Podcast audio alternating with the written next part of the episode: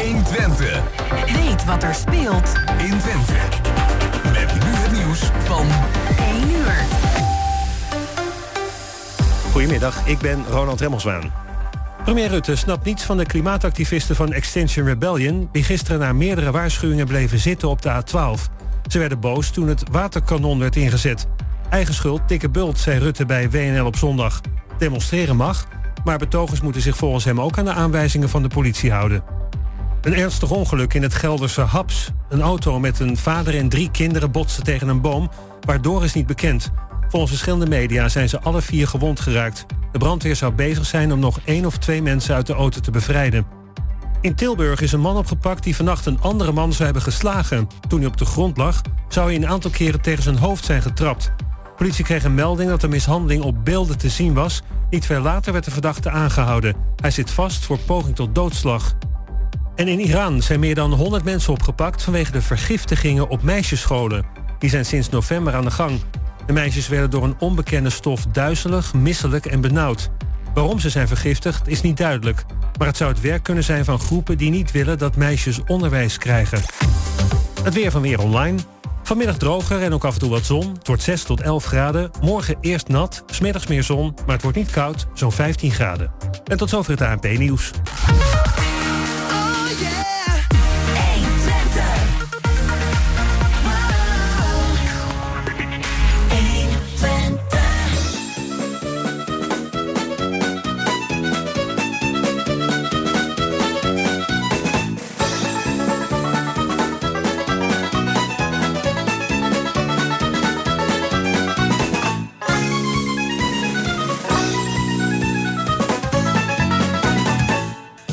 Ja, het is weer tijd voor kwartetten. Deze mooie zondag. Nou ja, mooie zondag. Het gaat weer. We zitten hier lekker binnen. Bij de airco aan. Dit enige ruimte die verwarmd wordt. Dan moet een beetje zuinig zijn met energie. Maar het is verder uh, aangenaam. Uh, bij mij aan tafel zitten Henk Marijt aan de overkant. Een eminence crisis. En kijkt heel verstandig uit zijn ogen. Daar komen gegarandeerd verstandige opmerkingen uit. Dan hebben we aan de overkant Lucas Schoonhoven. Ja, zeer ervaren ook met de radio. En een heel bekende man. Ook vanuit de gemeenteraad van Hengelo. En tenslotte hebben we hier naast mij zitten uh, de Mona Lisa, mag ik wel zeggen, van de provincie. Want, want overal zie je haar portret glimlachend opstaan, net als Mona Lisa. Dat is toch wel geweldig. Want zij is lijsttrekker voor de PvdA hier in de provincie. Nou, uh, de techniek is in handen van uh, Peter Jan Schone. Zit er weer glimlachend bij en die heeft de zaken weer keurig voor elkaar. De gasten zijn uitgenodigd door Jos Klasinski. De organisatie was in handen van Emil Urban. En uw gespreksleider vandaag is Roland Vens. En dat ben ik dus. We gaan dus beginnen met de verkiezing. Ja, kan niet anders. Hè. Als je dus uh, uh, Annemiek hier hebt. Ik mag Annemiek zeggen ook allemaal. Hè. Ik ben gewend hier voornamen ja, te gebruiken. Ik, ik vind Annemiek prettiger dan uh, Mona Lisa, moet ik zeggen. Ja, toch wel? Het is een mooi compliment, maar... een hele fraaie hoor, Mona Lisa. Zeker, maar ik, ik, ja. Ja, toch liever Annemiek.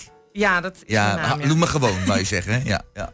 Goed, Annemiek Wissing dus. Die is lijsttrekker voor de PvdA hier in, in de provincie. Uh, Henk Bereid is uh, altijd zeer actief binnen de kringen van GroenLinks, als ik het zo mag begrijpen. Hij knikt uh, ook, ja, ja, ja, ook heel wijs. En Lucas Schoonhoven, die is raadslid voor D66. Zeer ervaren raadslid. Is één keer minder beëdigd dan ik. Maar toch, ja, zeer ervaren dus. Dan heb ik slecht nieuws voor je zometeen. Wat zeg je? Dan heb ik slecht nieuws voor je zometeen. Oh ja, ja? Slecht nieuws? Ik word binnenkort opnieuw beëdigd. Opnieuw beëdigd? Oh, kijk eens aan, kijk eens aan. Dan staan we gelijk.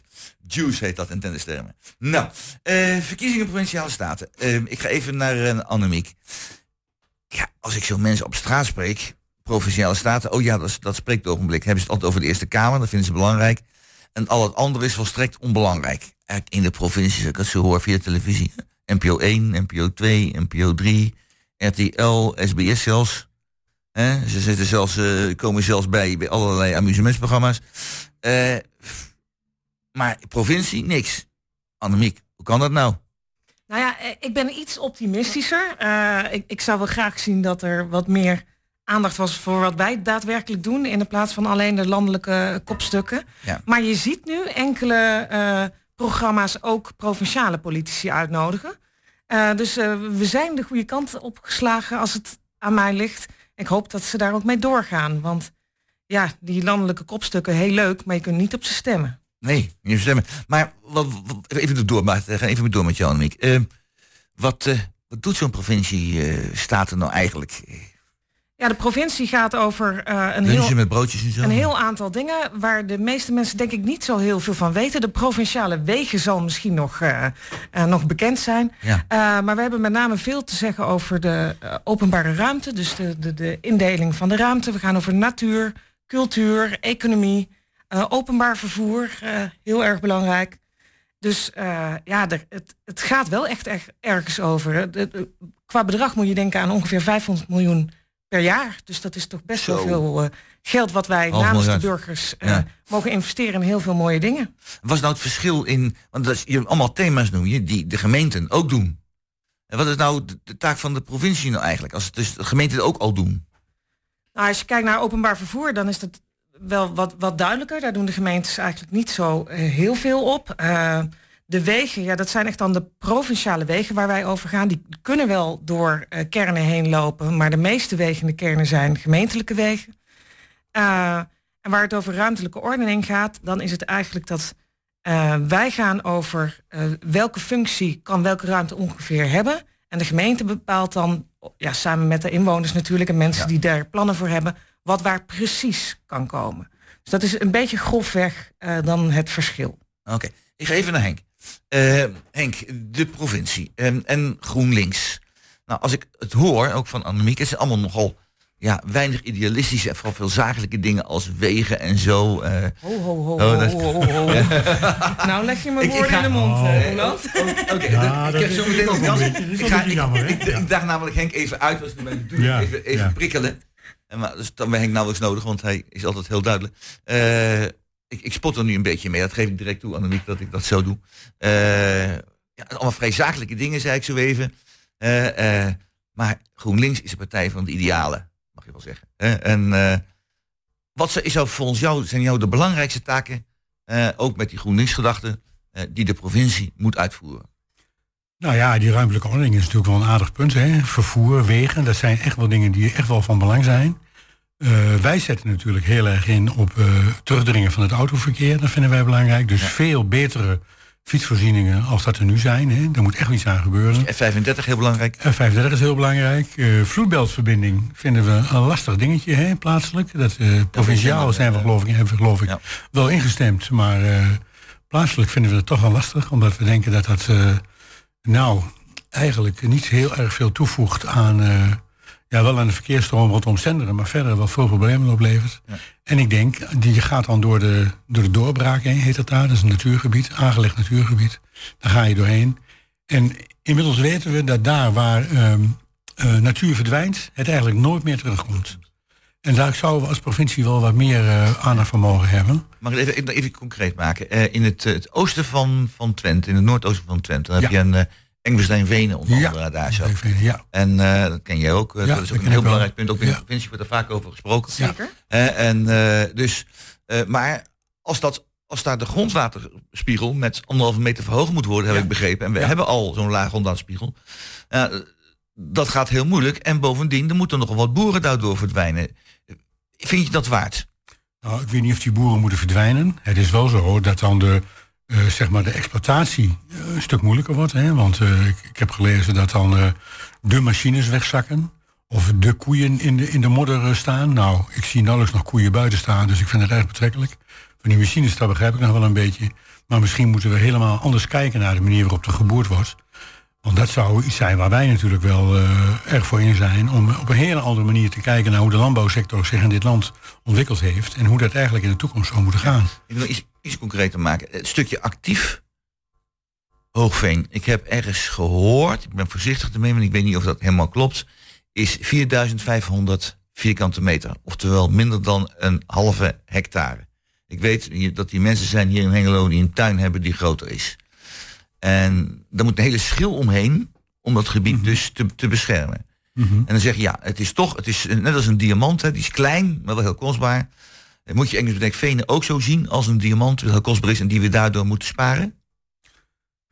Ja, de omvang van het gebied ken ik niet precies. Ik ben er wel eens langs heen of doorheen gefietst. Of ja, langs heen, doorheen geloof ik, mag geloof ik niet. Langs heen gefietst. Ik vond het een prachtig stuk natuur. Maar ik denk, wij zouden wel wat zuiniger mogen zijn op de Ja. enigszins nog weinig resten natuur die er is in eh, Nederland, in Twente. Want dat valt nog wel tegen. We doen allemaal alsof het hier allemaal heel groen is. En het is ook zo. Maar als je kijkt naar echte natuur, dan valt het nog wel tegen. Ja. ja.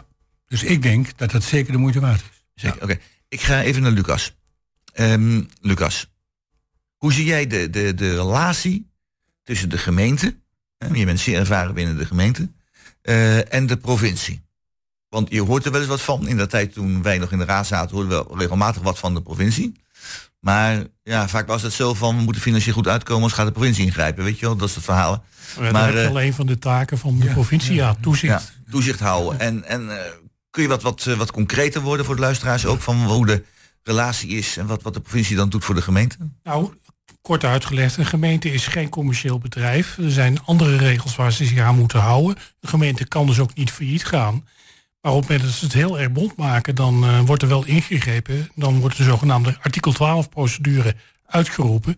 En dan komt de gemeente onder verscherpt toezicht van de provincie te staan. En daar heeft de provincie dus een heel belangrijke rol bij. Dat vinden de gemeenten meestal niet leuk. Dan zijn ze een groot gedeelte van de zelfstandigheid kwijt. Maar het is helaas eh, af en toe nodig. Met name Almelo en Enschede Almelo, ja. is dat meerdere keren overkomen. En sommige gemeentes in Hengelo die eh, scheuren daar... eh, sorry, sommige gemeentes in Twente schuren daar af en toe dicht tegenaan. Ja. Worden met name op dit moment. Wonen ook. eh, Haaksbergen is ook ja. eng. Ook Dus moeilijk, daar, daar heeft de, maar ook op een andere manier heeft de provincie een hele belangrijke rol. Kijk, soms moet je als gemeentes samenwerken. En het onderwerp samenwerken tussen gemeentes in Twente, ja, dat is in Den Haag wel een. eh, Hangt er vanaf hoe groot je gemeente is, hè? ja, Ben je soms, een dorpje, dan gaat het wel. Maar ben je een stad met de dorpen, dat gaat niet zo best. Hè? dat, dat, er zijn daar wat tegenstellingen. En logischerwijs zou een provincie eh, een rol hebben bij het bevorderen van die samenwerking. En met name het uitwisselen van dingen. Dat lukt in Twente niet zo best. Ik, ik hoef jou niet uit te leggen dat eh, samenwerking in Twente ook al een geschiedenis van eh, nou 65 jaar heeft. Van iedere keer weer opnieuw het proberen. En iedere keer opnieuw lukt het weer niet. En eh, nou ja, daar zou de provincie heel erg eh, positieve werking in kunnen hebben. Dat doen ze alleen niet. Nee. Oh, En ik begrijp ook wel waarom. oh ja, vertel. Nou zeg. Waarom, waarom doen ze dat niet? Het heeft iets te maken met trekken aan een dood paard, denk ik. Dus Ja, dat was in de tijd een uitspraak van, van Walter Lemstra. Die had het over eh, Ja. oude oud-burgemeester. Maar eh, Mag ik ook wat toevoegen? ja, ja ik, ik, kom, de- ik, ik heb wel goed te maken bij jou. Nou, dus van, de, van de leuke dingen die de provincie ook Ja, nou, doet. daar wil ik naartoe Het, zweven. eh, ja. het Ja. lijkt alsof we alleen maar eh, zitten te letten op de centen en op het asfalt. Maar Ja. als je bijvoorbeeld naar Hengelo kijkt, dan is er fors mee geïnvesteerd in, de, in het centrum. Dat die er zo mooi uitziet. Eh, de ontwikkelingen bij Hart van Zuid, eh, daar heeft de provincie fors aan bijgedragen. Metropool, OIFO, hier de bibliotheek waar we naast zitten, daar be- betaalt de provincie aan mee. Dus dat zijn allemaal dingen die volgens mij voor de inwoners van Hengelo eh, reuze van belang zijn. En die, die mede deze stad zo mooi maken als dat Ja, het want niet ik, heb, is. ik heb de gedeputeerde hier waarschijnlijk een keer gezien. Ja, En dus, eh, ja, is, nee zo. Ja, maar dat is natuurlijk. Kijk, eh, je hoeft jezelf geen schouderklopjes te geven over dingen die vanzelfsprekend zijn om te doen.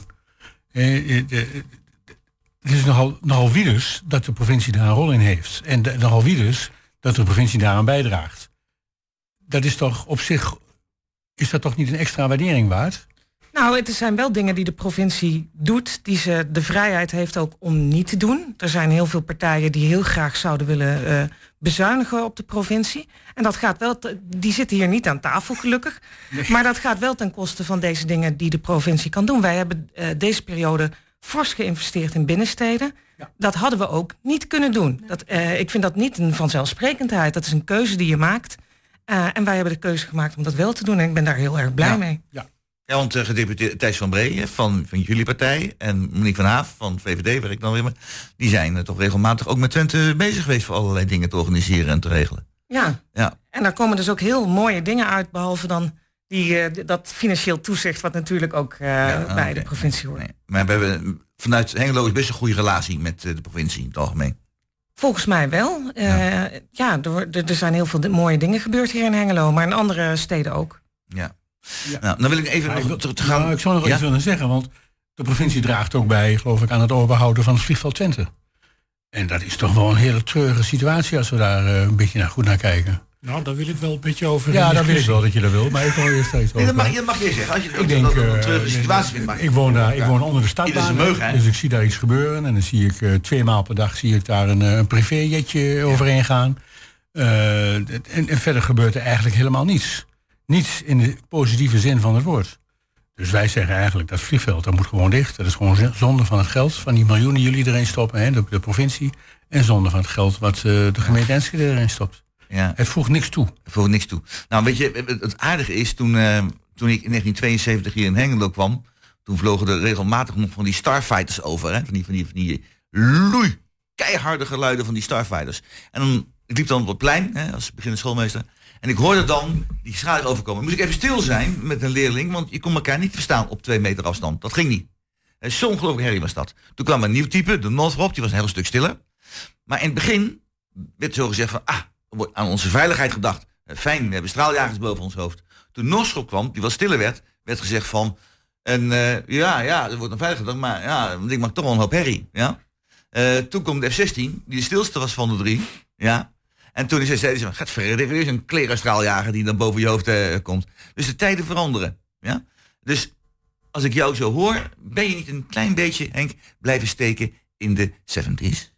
Maar in welk opzicht dan? Nou, het sluiten van de vliegveld. van, nou ja, zo'n vliegveld, dat is niet meer in deze tijd, dat hoort er niet bij, dat moet ik beter weg, ik een beter eh, natuur van maken. ja, dat vind ik. Nou, dat Maar mag dat heeft niet zoveel met de Ik zeg jaren. het maar hoor. Dat heeft Geef niet met de de kans om 70 te jaren te maken. Dat heeft te maken met dat we ons moeten realiseren dat we al zo weinig natuur hebben. Ja, maar- En dat we daar iets voor over moeten hebben. ik ga nu naar. Lucas, Lucas heeft hoofd te schudden.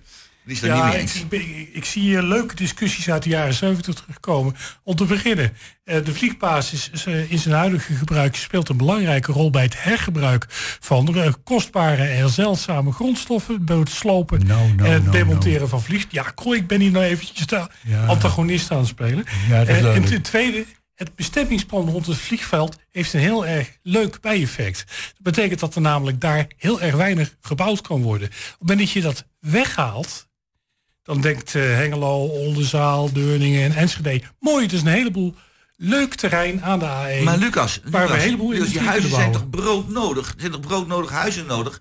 En we, krijgen- we krijgen duizenden en duizenden migranten hier in Nederland die allemaal moeten gaan wonen. Dus, eh, en heel veel jonge stellen zijn die ook allemaal bij hun ouders weg willen. Moeten allemaal wel, woningen hebben. En hoe doen we dat dan? Nou, er zijn zat gebieden in de omgeving waar we kunnen bouwen zonder dat de bomen voor tegen de vlakte moeten. Ik vind het groene gebied wat ontstaan is rond de vliegbasis Twente heel belangrijk om in stand te houden. En vreemd genoeg eh, kunnen we dat het beste doen door die bestemming daarop te laten staan van vliegbasis. En oké, ik wil best de discussie aan dat het meest optimale aantal vliegtuigen wat dat aan land per jaar één is. Dan kunnen we ja, nou, één vlieg, vliegtuig per jaar. Het land daar en stijgt nooit meer op. En daar hadden we het bestemmingsplan daar intact. En blijft het een mooi stuk groen hart van Twente. Met andere woorden, bescherm het vliegveld, bescherm de natuur. Waar je Ja. Oké, eigenlijk, ik, ga, ja. ik, ik, ik ga nu even aan, aan- afsluiten eh, aan mij. Dit onderwerp sluiten we even af, maar we gaan even erop reageren en dan Ja. gaan we naar iets volgends. Eh, wa- wat ik het, eh, het, het mooie vind, is eigenlijk was de natuurwaarde van het vliegveld nooit beter als toen het onder militair eh, eh, ja, bewind viel. Toen was het eh, beter dan dat het nu is. Het wordt nu meer verstoord. Eh, dat is niet de hoofdreden, maar wel een van de redenen waarom wij zeggen, biedt het vliegveld opnieuw aan defensie aan. De eh, geopolitieke situatie is enorm veranderd. En als wij met Twente Airport een bijdrage kunnen leveren aan onze vrijheid en veiligheid en vrede in de wereld, dan zijn wij graag bereid om daarover mee te denken. Geweldig, als VVD'ers steun ik dit van harte uh, Annemiek de Marie. Goed, we sluiten het onderwerp af, heb ik al gezegd. Uh, ik zal Ja. geen lange tirades meer erover houden. Uh, we gaan even verder kijken. Over de Provinciale Staat, over het stemmen zelf. Dat wil ik nog even hebben, het stemmen zelf. Uh, ja, ik heb nou gisteren op televisie nog verschillende mensen gehoord... die zeggen van, oh, we gaan niet stemmen. Uit Brabant bijvoorbeeld, gaan ze niet stemmen. Vinden niks aan, heeft geen nut. Ik vertrouw die lui van geen cent. He? Je ziet er ook alle vier hier zo. Alle, uh, nee, nee, nee, niet. Uh, alle drie hier zo. Zeer onbetrouwbaar uit natuurlijk. Ja. He, we gaan niet op stemmen, doen we niet. Ja. Dus, uh, Ja, maar uh, hier, hè? waarom, waarom moeten mensen nou gaan stemmen? Of vind je ook niet dat ze moeten gaan stemmen? Nou, ik, uh, mensen moeten stemmen omdat ze natuurlijk uh, heel klassiek uh, gewoon hun, hun, hun, eigen recht hebben en hun stem moeten laten horen. Maar het klopt inderdaad. Hè. Ik heb gisteren geflyt hier in de binnenstad, Annemiek ook geloof ik. Hè. Ja. En dan zijn er mensen die tegen je zeggen van, nou ik weet het al. Nou, dat vind ik nog wel redelijk positief. Maar er zijn ook mensen die zeggen van, ja, jullie zijn allemaal niet te vertrouwen. En dan probeer ik daar dan wel een gesprek over aan te gaan, maar dat lukt eigenlijk niet. zijn toch heel veel. Ik denk dat wel een derde van de mensen die je aanspreekt. toch eigenlijk het vertrouwen in de politiek verloren hebben. En dat is bijzonder treurig. Ja, hoe komt dat? Maar nou, dat komt omdat de politiek. en dat is natuurlijk wel een aardig abstract begrip. omdat de politiek ook dingen doet. die natuurlijk niet eh, altijd uitkomen wat de mensen graag willen. En dat komt dan weer naar mijn beleving, omdat wij zo nu en dan heel erg populistisch bezig zijn in dit land. En vooral luisteren naar de Fox Populi, maar niet zozeer naar welke filosofie we moeten hanteren. Naar de hardste schreeuwers luisteren we naar. De hardste schreeuwers, ja, dat zien we natuurlijk toch veel om ons heen. Ja, dus bijvoorbeeld zo mensen als Extinction Rebellion, ik noem maar wat, die dan hele wegen blokkeren en een heleboel kabaal maken. En dat, is, dat is een slechte zaak. Nou, die schreeuwen niet, hè? Oh, ja, heel stil, Die- dat die klopt. Ja, is wel heel Die stil. doen iets, hè? Die gaan, eh, die, die Maar ze waren wel duidelijk aanwezig. Die Waren protesteren nogal geweldloos. Ja, en eh, laten daarmee merken dat zij met ze- bepaalde dingen in deze samenleving niet, eens zijn. Nee. Ja. En dat, eh, ja, dat moet iedereen maar voor zichzelf weten wat hij doet. Het doet mij een beetje denken aan de jaren, toch inderdaad aan de jaren tachtig, waarin we voor de kruiswagen, Ja. kruis, tekenen raketten, Opland, eh, ja. demonstreerden. Stop de neutronenbom. Dus, ja, nou, dat soort dingen. Hè. Maar Ja. goed, dat is dat is wel vergelijkbaar met elkaar. Ja. Ja. Heb je toen ook gedemonstreerd? Eh, Uiteraard. Ja, ja. jij niet, dat weet ik wel. Nee, maar ik, wel. nee, Ja. nee, nee, nee, nee. Nee, ik ga naar Lucas. Lucas, je hebt ook gedemonstreerd toen? Ja, natuurlijk. Tegen, tegen de bewaking in het algemeen en ook tegen de dat neutronenbom? Ja, en de vreedzame omsingeling van eh, een vliegbasis heb ik nog een meegedaan. Ja, Eh, ja, ja, ja, is geweldig. Zo mooie dingen in de 70 Ook nog gedemonstreerd bij Thales hier zo. Toen nog Ja. Tuurlijk. Ook nog gedaan. Ja, mooi, maar mooi, mooi. een van de dingen die me ontzettend irriteert is de steeds persoonlijker wordende de populistische discussie. Ja. Ik heb hier een, eh, ik kan het helaas niet laten zien, want wij zijn radio. Ik heb hier een poster van een partij met de tekst: eh, jouw vijand zit niet in Rusland, maar gewoon hier. En op de achtergrond negen portretten van landelijk bekende politici. Ja. Ja, kijk, als je, als je op die manier bezig bent met het voeren van een campagne voor jouw partij, ja, het wordt steeds grover, het wordt steeds banaler. En eh, eh, het heeft twee effecten. Mensen die denken dat je gelijk hebt, die stemmen op je. En mensen die denken dat je misschien gelijk hebt, die blijven weg, want het maakt toch allemaal geen donder meer uit. Nu zag ik eh, vanmorgen zag ik op Facebook een filmpje. Nee, op, op, Twitter was dat. Twitter was een, een, filmpje waarbij een, een dame, zeg ik dan even met de enige nadruk, op een podium in Den Haag eh, de opa van Rutte als NSB'er verklaarde en eh, de opa van Schimmelpenninck als iemand die gewoon eh, geld verdiend had aan Cyclone B. En in ieder geval een hele reeks van allemaal nazi's van, werden genoemd in verband gebracht met, met kopstukken in Nederland.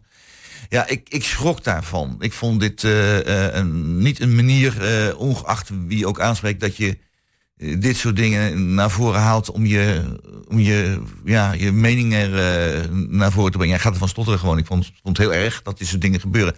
Eh, is het ook een teken van de tijd, dit soort zaken, Ja. Lucas?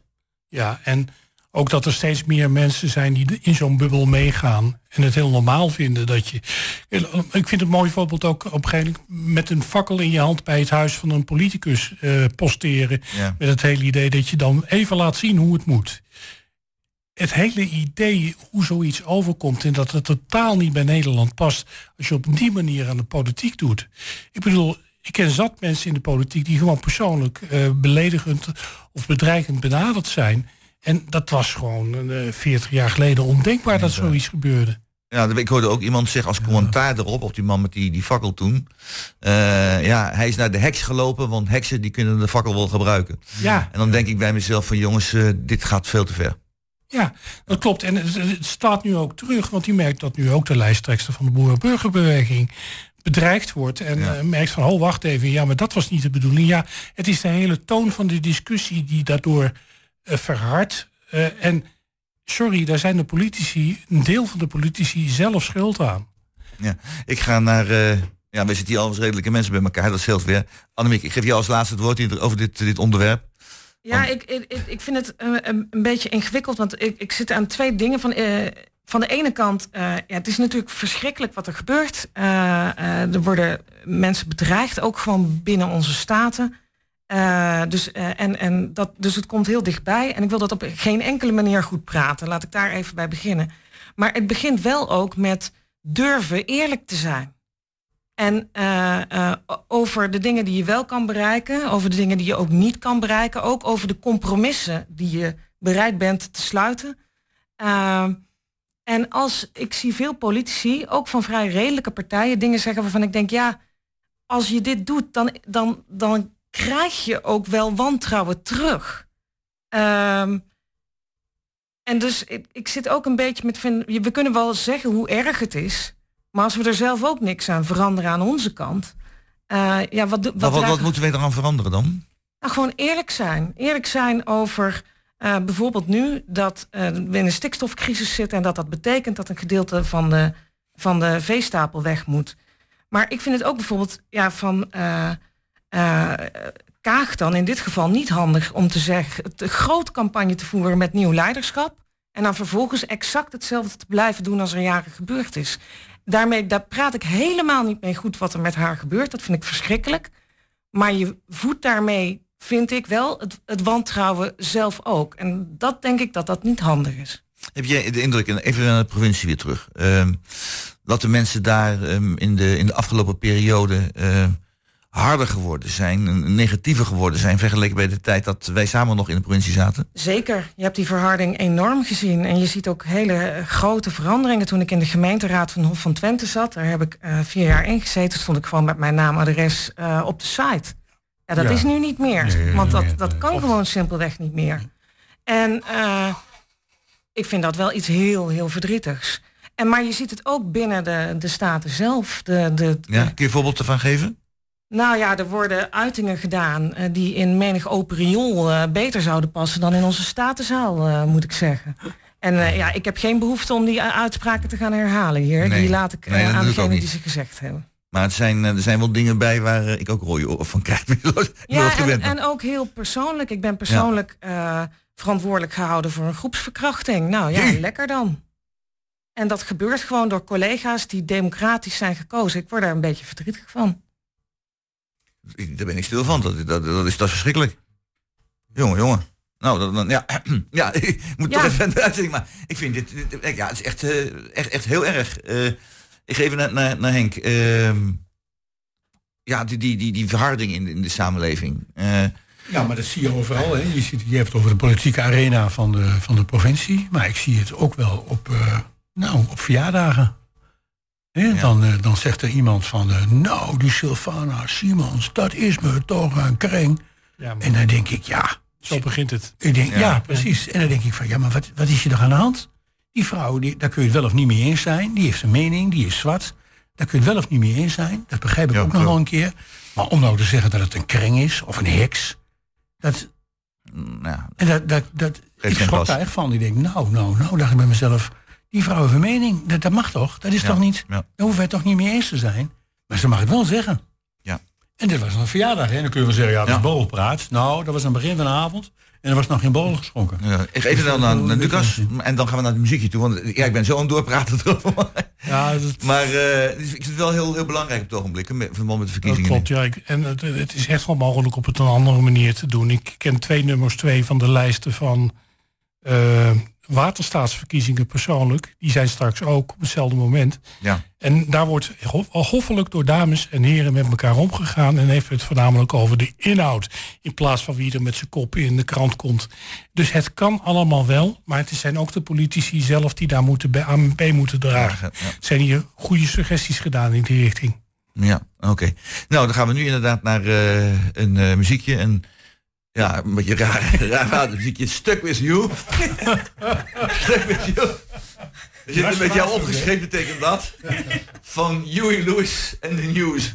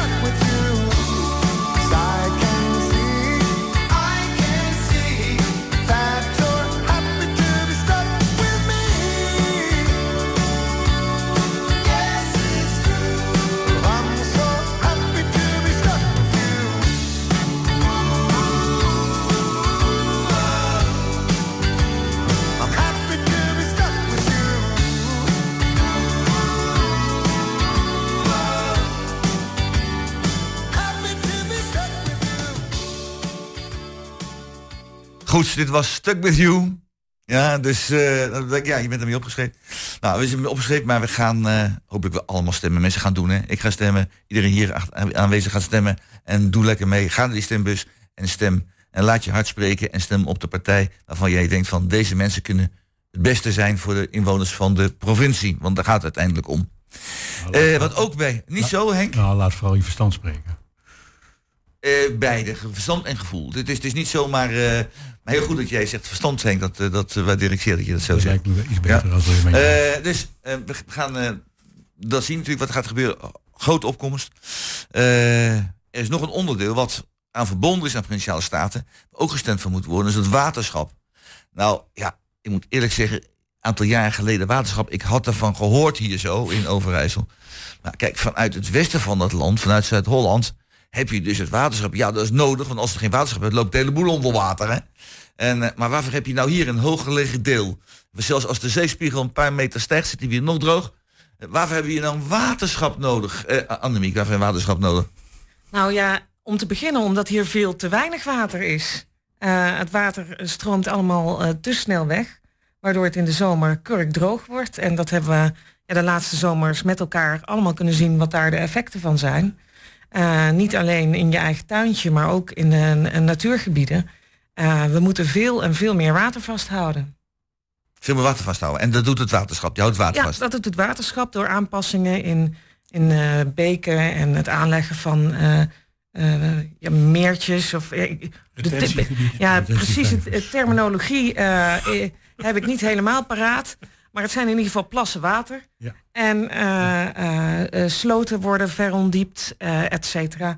Om het water zo lang mogelijk in het gebied te houden. Want dat hebben we echt heel hard nodig. Heel wat nodig. Dus waterschap is uitermate belangrijk, ook voor Overijssel.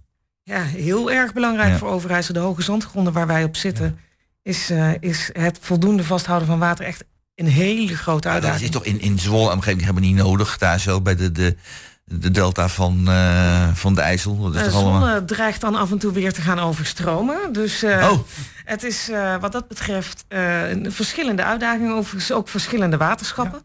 Ja. Ehm, maar eh, ja, in, eh, in, het is, we krijgen nu steeds meer water op één moment.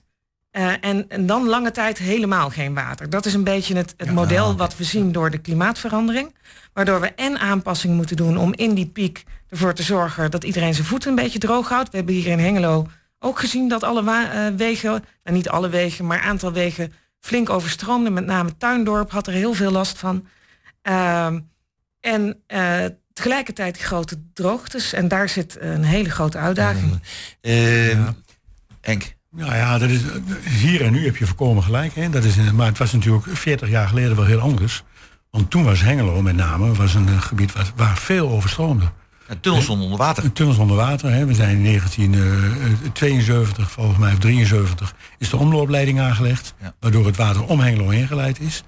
Maar daar is ook een actie van het waterschap geweest. En daar is natuurlijk niks mis mee. Dat had echt, echt wel toen wel gemoeten. Maar dat afvoeren van toen, daar zouden we nou anders naar moeten kijken. Want toen hebben we steeds zo snel mogelijk alles afgevoerd. Ja. En nu moet het juist behouden blijven. En nu moeten we vanwege de klimaatverandering, hè, die we toch eh, nou, moeilijk kunnen stoppen kennelijk, moeten we daar iets anders mee doen. Ja. En hoe, wat, wat is denk je de, de taak van het waterschap dan speciaal voor, eh, voor Twente? eh vooral rond Hengelo. Wat, wat moet er in Hengelo Nou, ik gebeuren? Denk, ik denk, retentievijvers is wel belangrijk, maar zorgen dat het, dat het water in de grond infiltreert. En dat we niet maar voortdurend bezig zijn om alles op een of andere manier maar eh, droge voeten te houden. Want dat hoeft helemaal niet. Vandaar. Een Oh, beetje naar de natuur maken hier, dat zou niet zo gek zijn. Ik kan een mooi vliegveld voor gebruiken, vond ik ook nog wel. Vliegveld wel. Oh, dat, ja, dat is eh, een mooie stap, mooi, mooi burgertje. Eh, ik, ga, ik ga naar Lucas. Eh, Lucas, eh, Henk noemt het vliegveld. Die moeten we dus eh mooi natuur van maken. Maar eh, goed, daar kun je misschien anders over denken. Maar eh, het is dan natuur, zou je zeggen. Ja. Maar, maar wat, zou je, wat zou je vinden dat het waterschap hier in deze omgeving moet doen? Nou, ze doen al aardig wat. Hè. Vergeet één ding niet.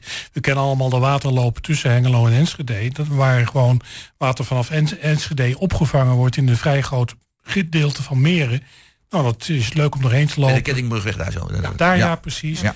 Je hebt dan de, je hebt aan de westkant eh, van Hengelo bij Twickel ook een hele serie van retentievijvers die dezelfde functie heeft. En eh, nou, een andere, ook de verwerking van afval, een heleboel dingen speelden waterschappen best wel een behoorlijke rol in. Afvalwater en alles wat erbij te. Eigenlijk zijn dat een heleboel dingen waar je normaal niet zo bij stilstaat, maar zeker voor een land als Nederland verdomd belangrijk zijn. Nou, daar hebben we dan een waterschap voor. Je kunt erover discussiëren of dat niet bij de provincie thuis zou horen. Er valt wel wat voor te zeggen, want dan heeft de provincie weer een extra stevig onderwerp waar ze wat mee doen. En ja, de waterschap is toch ergens een vierde bestuurslaag ertussendoor. Maar Ja. ik vind op zich dat ze het best goed doen. Mede misschien omdat ze wat meer politiek onafhankelijk zijn. Je ziet dat de, standaard verhoudingen tussen politieke partijen en de manier van politiek bedrijven dat toch wat anders Maar dat is is. heel anders, als je in provinciale staten en ook bij de gemeenteraden, zeker tijdens de verkiezingen, gaat dan wel eens een keer hard tegen hard zo gezegd. Maar bij de waterschappen, wij zijn, we zijn we verstromen hier, heet het hier gewoon waterschap of niet? Hoe heet dat hier zo? Ja, ja, verstaan. Verstromen, hè? Verstromen. Nou, ehm, verstromen, dat, dat, dat gedeelte. Ja, daar hoor je politiek gezien eigenlijk weinig over. Je ziet alleen bestuurders die beter zijn te besturen. Ja, er is wel iets gebeurd, hè? Er is wel Ja? iets gebeurd, Denk? ja, want er waren gegarandeerde plaatsen voor een aantal beroepsgroepen in dit land. Voor de boeren en voor de ondernemers en voor eh, nog iets geloof ik, dat ben ik even kwijt. Milieu. Heet dat hè? Milieu. Oh ja, Voor dat klopt. Natuur, natuurorganisaties. Ja, ja. Bedrijven. Ja, en die, Bedrijven, bedrijven, bedrijven die boeren, zijn die gehaald. plaatsen zijn nu weg. Hè. Die Ja. zijn, eh, en van die eh, boerenorganisaties zijn ze geloof ik verminderd. Dus dat betekent dat het eigenlijk wat democratischer aan het worden is. En het zou wel eens kunnen dat dat leidt tot een ander inzicht over hoe je zeg maar, die wateromgeving beter moet, eh, moet beheersen. Zie je dat een vooruitgang? Ik vind het een vooruitgang, ja. Ja, ik vind gegarandeerde plaatsen vind ik helemaal niks. Dat lijkt net zo alsof je de koning ook nog eh, twintig zetels eh, in het parlement geeft. Nou, dat slaat nergens. Ja, we zijn niet meer in de tijd van koning dat Willem of zo. Dat, doen we niet meer. Nee, nee, doen we niet meer. nee. Van de andere kant, waterschappen kunnen ook heel politiek zijn. We hebben, in- ik, ik zag onlangs dat er in, eh, in eh, Limburg, dat daar elke plaats zijn eigen waterschap heeft. Zo. Ja, zijn eigen waterschap niet, maar zijn eigen kandidaten voor waterschap. Oh, dat zijn allemaal CDA-mensen. Ja, dat hebben ze ook verdeeld, ja. En, eh, daardoor lijkt het allemaal, ze allemaal heel plaatselijk bezig zijn. En daardoor hebben ze in het waterschap een hele grote stem gekregen. Ja, ja. Dus dat is ook wel een beetje een bijzondere manier Truc van is dat. Ja, dat is wel een beetje een truc, ja. Ja, ja zo kan het dus ook. Hè. Je wordt Ja. gewoon getrukt. ja, ja. Nu, dan, dan moeten we een beetje... Ja, dat hoort eigenlijk niet in het waterschap. Dat hoort daar helemaal niet thuis op deze Nee, manier. nee, dat is niet, niet, niet de stijl. Ik even een, een, eh, Annemiek, waterschap eh, verder nog even ter, ter afronding. Dan gaan we naar het volgende, volgende onderwerp. Ehm, ook, dus, ook voor Hengelo is het van groot belang dat de mensen gaan stemmen. Ook bij het waterschap. En dat, eh, dat moeten gaan doen. Hebben wij Hengeloze kandidaten trouwens, het waterschap? Ja, zeker. We hebben heel veel Hengeloze kandidaten. Ja, vertel maar. Ah, nou, toevallig zitten we hier met de drie partijen die alle drie Ja. bij Water Natuurlijk eh, aangesloten zijn. Ja. En eh, daar staan eh, ja, bijzonder veel Hengeloers op de lijst. Eigenlijk wel, eh, misschien wel een beetje te veel als je dat zou kunnen zeggen. Maar eh, nee, we we zijn goed vertegenwoordigd en dat is hartstikke mooi. Ja, wat me wel opvalt is dat in, bij de provincie, dus is een wat breder getrokken, eh, had je zeg maar een kleine honderd jaar geleden, eh, was eh, vooral Zwolle en, en Deventer zeer dominant en, en, eh, en Twente deed eigenlijk nauwelijks mee. Langzaam maar zeker zie je een verschuiving dat Twente een steeds grotere rol gaat spelen in, in Overijssel. En eh, ik zie je licht, licht nikken, is dat zo denk je? Eh, nou ja, de- sinds ik in de Staten zit, is die verdeling volgens mij licht ten faveur van Twente ten opzichte van de rest van Overijssel, maar niet eh, enorm. En ja, dan moet nou eenmaal één de meeste leveren. En ik vind het wel bijzonder inderdaad als je weet dat het provinciehuis in Zwolle staat. Maar eh, ja, blijkbaar hebben die eh, tukkers het met elkaar voorover. Ja, heel goed. Nou, dan sluiten we dit af met nog de oproep, als iedereen weer eens zijn. Woensdag 15 maart, ga stemmen voor de provincie, ga stemmen voor waterschap en doe het. Ik zeg het nou voor de derde keer geloof ik, maar het is ongelooflijk belangrijk voor ons allemaal. Eh, ik wil nu over een heel ander onderwerp hebben. En dat is, eh, als jullie het goed vinden, eh, zullen we het hebben over het wonen in Hengelo. Gewoon het wonen. Ja, ik zie jullie een beetje bedenkelijk kijken. Zo, Is dat wat, 100.000 inwoners bedoel je? Onder andere, maar ook gewoon wat voor soort woningen en dat Wat soort voor dingen allemaal meer. Ja, en, ja, ja, en je kunt streven 100.000 Ja. inwoners. Maar eerste plaats even Henke, die Ja. 100.000 inwoners. Is dat wat? Of dat wat is? Ja. Nou ja, voor mij hoeft het niet per se in de zin van... eh, dat moet een grote doelstelling zijn. Maar ik vind het ook wel, als je, als je weet dat je als land voortdurend eh, groter wordt... eh, qua inwonersaantal... dan zul je daar ook aan, bij, aan mee moeten doen. Dat, dat gaat, niet, het gaat niet aan jou voorbij Nee. als stad zijnde. Maar of we het nou echt helemaal moeten stimuleren, dat twijfel ik wel een beetje aan. Ja. Dan ben je, ben je niet bang voor die, die vergrijzing, hè? Want een grijze Vergrijzing? Ja, maar dat, Ja. Gebeurt, dat, is, dat, dat kun je toch niet tegenhouden? Ik bedoel, jij bent bijna net zo grijs als ik. Dus Ik weet, ja, nou, wij zijn ongeveer even, ja, even, even ja, maar niet veel. dat, wat heeft dat nou met vergrijzing te maken? Honderd-. De ik honderdduizend die zouden dan eh, moeten zorgen dat wij... eh, Ja, die, kunnen overleven Die, die, die grijze lui er, er al, Grijs, uit de grote huizen uit. Die, die, die kapitalisten en de grote huizen uit. ja, En dan jonge stellen erin. ja, En dat, dat moet gebeuren. En Ja. die grijzen in een eh, appartementje stoppen. ja, nou ja, dat is een keuze. Dat Dat is een keuze. is een keuze van de individuele burger, zou ik zeggen. Oh, heel goed. Nee, niet van de gemeente dus. eh. Nee, maar ik vind wel dat de gemeente wel na zou moeten denken over of zij eh, zeg maar de woningvoorraad voor ouderen, ja, of, dat, of ze dat niet zouden moeten uitbreiden. Ja. Want dat is natuurlijk wel een beetje dramatisch. Want dat is natuurlijk, hè, dat zien wij, ik woon in Groot-Rienen, daar zie je toch heel veel, ook huurwoningen die door nou, één iemand bewoond worden. Terwijl die huizen natuurlijk geschikt zijn voor gezinnen. Ja, die zijn gebouwd in begin jaren Die 70. zijn in de En, jaren 70 gebouwd en die zijn natuurlijk eh, die, die zijn verhuurd. Eh, nou, vaak woont er nog maar één iemand alleen. zijn gezinnen geweest eens. Ja, ja, ooit gezinnen geweest. Ja. Kinderen de deur uit. Een van de partners overleden. En dan wonen ze er alleen. Maar als ze eruit gaan. Ze moeten een andere woning hebben van de woningcorporatie. Dan moeten ze meestal meer huur betalen. En dat doen mensen niet. Ja, ja, ja. Dan gaan ze kleiner wonen en meer betalen. Dan zouden ze kleiner kunnen gaan wonen en meer betalen. Ja, ja. Eh, Lucas. Ja, ik woon ook in Groterine. Ja, maar ja. we begonnen hier met 100.000 inwoners. Die discussie die de hele tijd in de politiek blijft hangen is... waar dan? Waar kan Hengelo 20.000 extra eh, eh, inwoners huisvesten? Hart van Zuid, daar kunnen er een paar duizend bij, maar geen 20.000. Eh, over de A35 heen, dan kom je op het gebied van Beckum... en dan heeft Twickel een hele machtige grondspositie... Gezien de moeite die het daar kost, terwijl iedereen meewerkt om daar extra woningen te bouwen, is dat geen optie. Nou, dan gaan we naar het westen toe. Daar heb je het Wold, mooi natuurgebied, veel retentievijvers.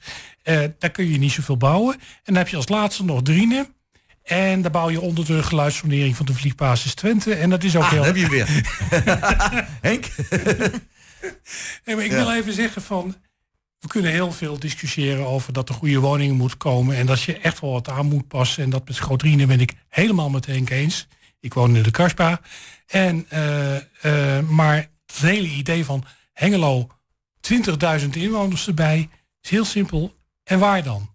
Is het niet, niet goed om eh, zeg maar meer in de hoogte te gaan bouwen? Zelfs dan kun je er geen 20.000 kwijt. Tenzij je ieder eh, gebouw dat je nieuw bouwt... eh 20 verdiepingen hoog maakt. Nou, dat wil je niet in een stad als Hengelo.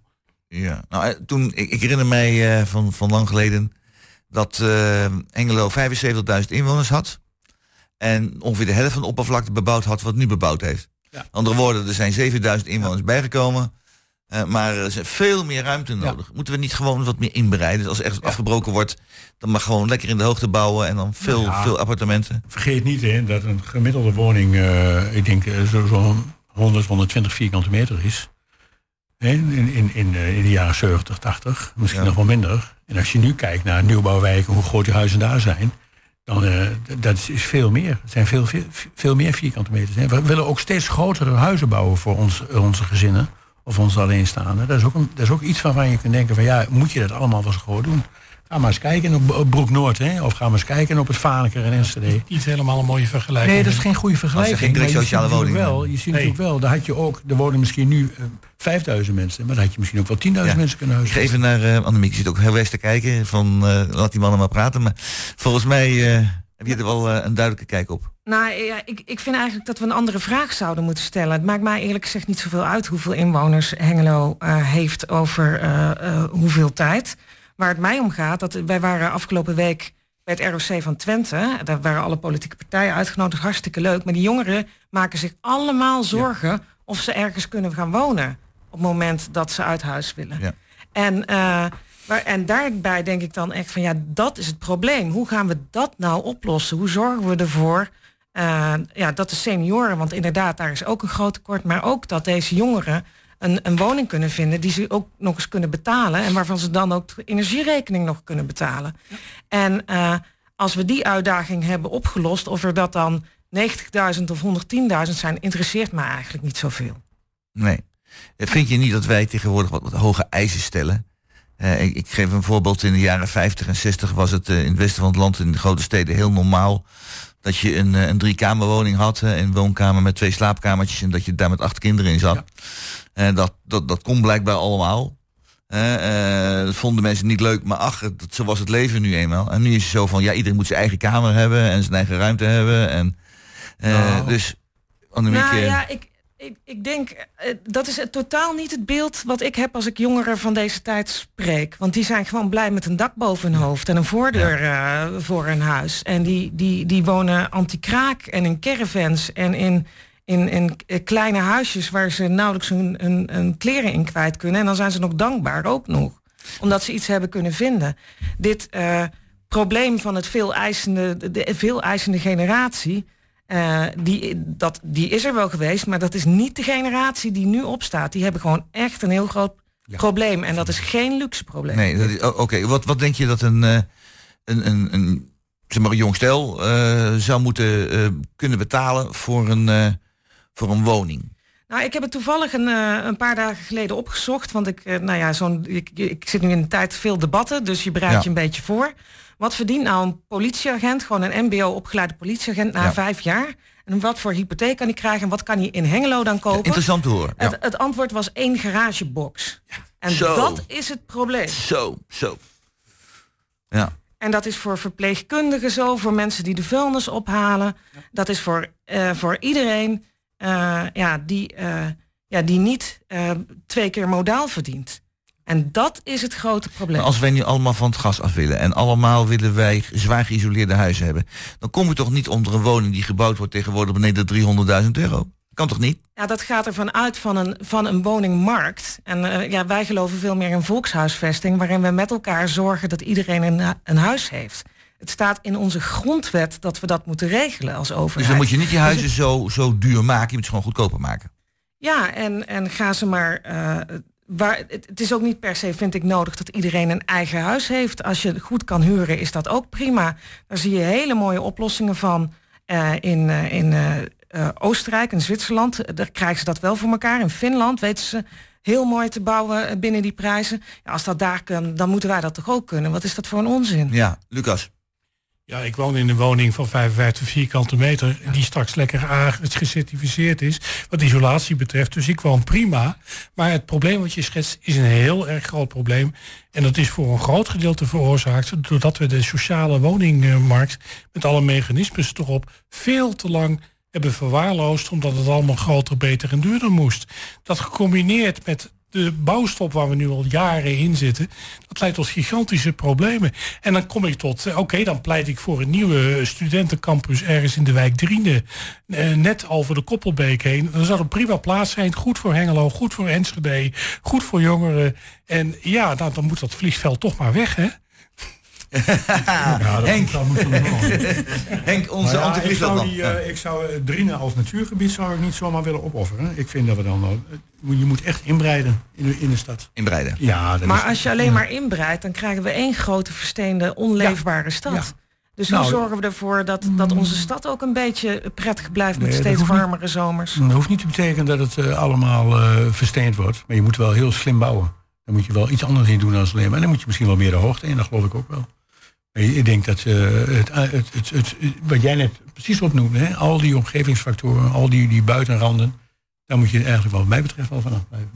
Ja, moet je dus zorgen dat... eh, ja, het zijn, eh, het zijn barre tijden voor mensen. Want die garagebox, ja, dat, eh, ik, ik, had die vraag wel gesteld... omdat ik wel wist hoe dat natuurlijk zat. En ik kan hem even, even laten horen hoe dat, eh, hoe dat is. Want het is gewoon in deze tijd niet meer te doen. Ik heb eh, dus eh, drie kleinkinderen die alle drie heel druk bezig zijn... om ergens een woonplek te vinden. En dat lukt eh, voor geen meter. Ze zijn allemaal eh, 120 en iets ouder. Het is gewoon heel erg moeilijk.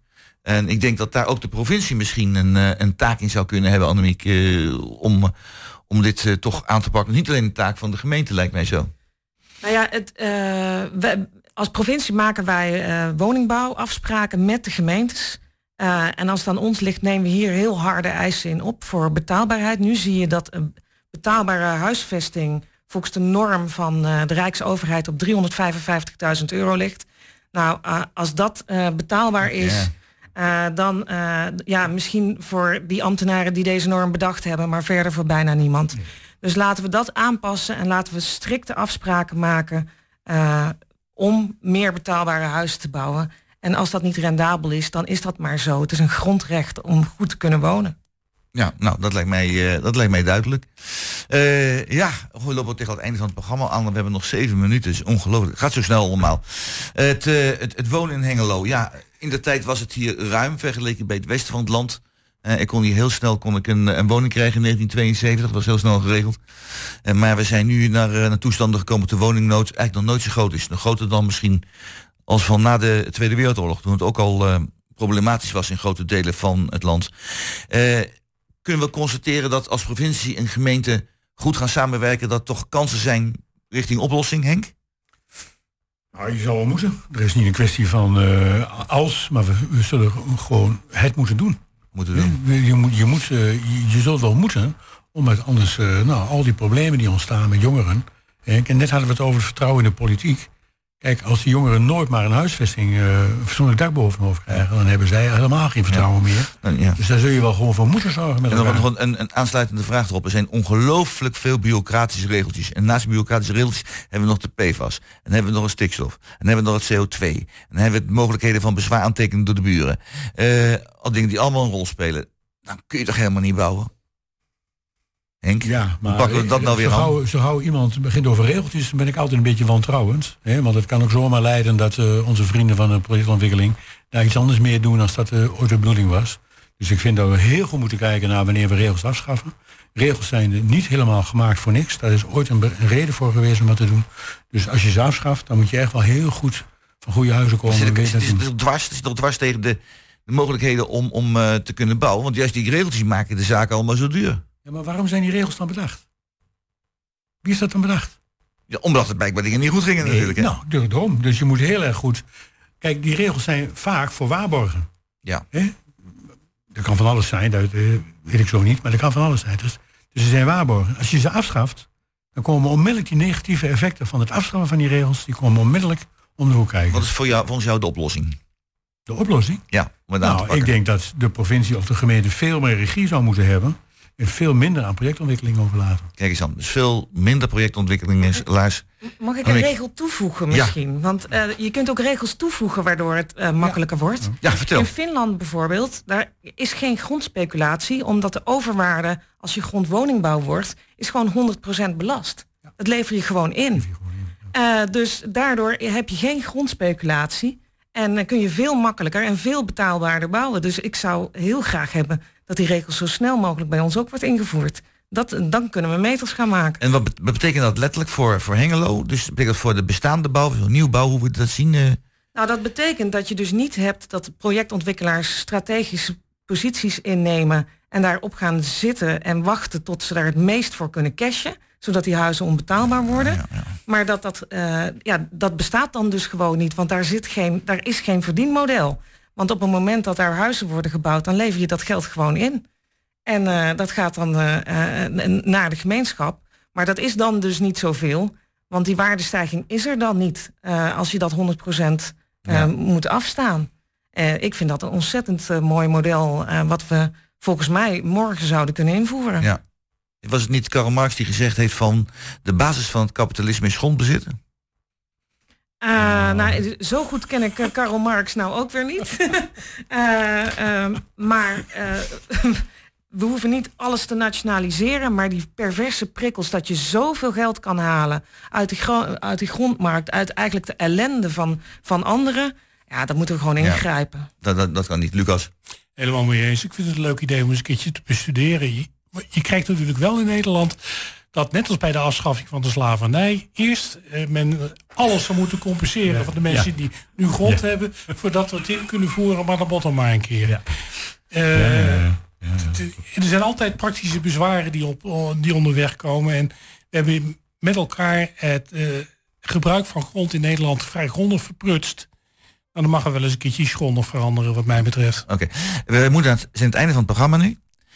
Eh, ik zeg altijd zo, een laatste opmerking nog. Ik begin bij Henk. Een laatste opmerking nog. Houd het kort. Ik wil alle drie nog even de kans geven. Nou ja, nou, toch nog even naar die woningbouw. Hè. We zien dat er eh, heel veel gebrek aan woningen zijn. Maar we zien ook in sommige omliggende plaatsjes hier hele rijke aannemers, hele rijke projectontwikkelaars. En dat geld komt toch ergens vandaan. En dat, eh, daar zouden we wel een keer een streep onder mogen zetten. Oké. Lucas, Ga stemmen en ga stemmen. juist, ga stemmen en ga stemmen. Zeg, dat is kort en krachtig. Annemiek, Nou, dan zal ik daaraan toevoegen. Woensdag zijn de verkiezingen, dus neem je stempas mee en je ID-bewijs. Neem ook nog je, je, je, je moeder, je zus en de buurvrouw mee. En eh, ga stemmen. help elkaar. Opkomst moet eh 100% worden. Ja, dan hebben we nu nog minder dan twee minuten. Ja, daar gaan we naartoe natuurlijk, hè. En, en, en niet meer zo weinig. Nu, minder dan de helft hadden we de vorige keer, geloof ik, hè? Nee, waterschap. meer dan de helft. Eh, ja, voor het waterschap inderdaad minder dan de helft. Voor de provincie eh, wat meer. Eh, maar ik doe het niet voor minder dan 70% Goed zo. Voor niet Oh. meer dan 70%. We gaan er tegenaan. Eh, dit was dan een beetje weer het, eh, het einde van het, eh, van het programma Kwartetten voor deze zondag. De laatste zondag voor de verkiezingen voor het waterschap en voor de Provinciale Staten. Eh, aan tafel zaten Henk Merijt, eh belangrijk man binnen GroenLinks. Annemiek Wissink is eh, hier lijsttrekker van PvdA in de provincie. Lucas Schoonhoven, actief, zeer actief als raadslid voor D66. De techniek was weer perfect in handen van, eh, van Peter Jan. En weinig met, met muziekjes kunnen doen. We hadden heel veel andere onderwerpen. Sorry Jan, Peter Jan. Eh, de gasten werden uitgenodigd door Jos Krasinski. Organisatie was in handen van eh, Emiel Urban. En uw gespreksleider vandaag was, eh was Roland Vens. Ja, het is een wat druilige dag. Hebben we nog sport zometeen? Ja, dat komt. Dus blijf nog even luisteren, want het is weer is er helemaal niks. Het is koud. Ik zie mensen met dikke jassen aan omdat eh dit eraan gaan doen. Dus eh, luister nog even naar het sportprogramma wat zo meteen komt. En met eh, allerlei dingen. Wie? Anton hè, van het Hondwoord. Ja, die is erbij. En natuurlijk onze technicus. Ja, ook natuurlijk. Hè, dus Peter Jan ook. Een hele fijne zondag wensen we je toe. En de volgende week ben ik er weer. Vandaag is komen kijken de heer. Die komt kijken. En die zal dus in de, in, op het eind van de maand zal het, de taak van mij overnemen gedurende een maand of twee met eh, kwartetten. Allemaal dus een, eh, een hele fijne zondag.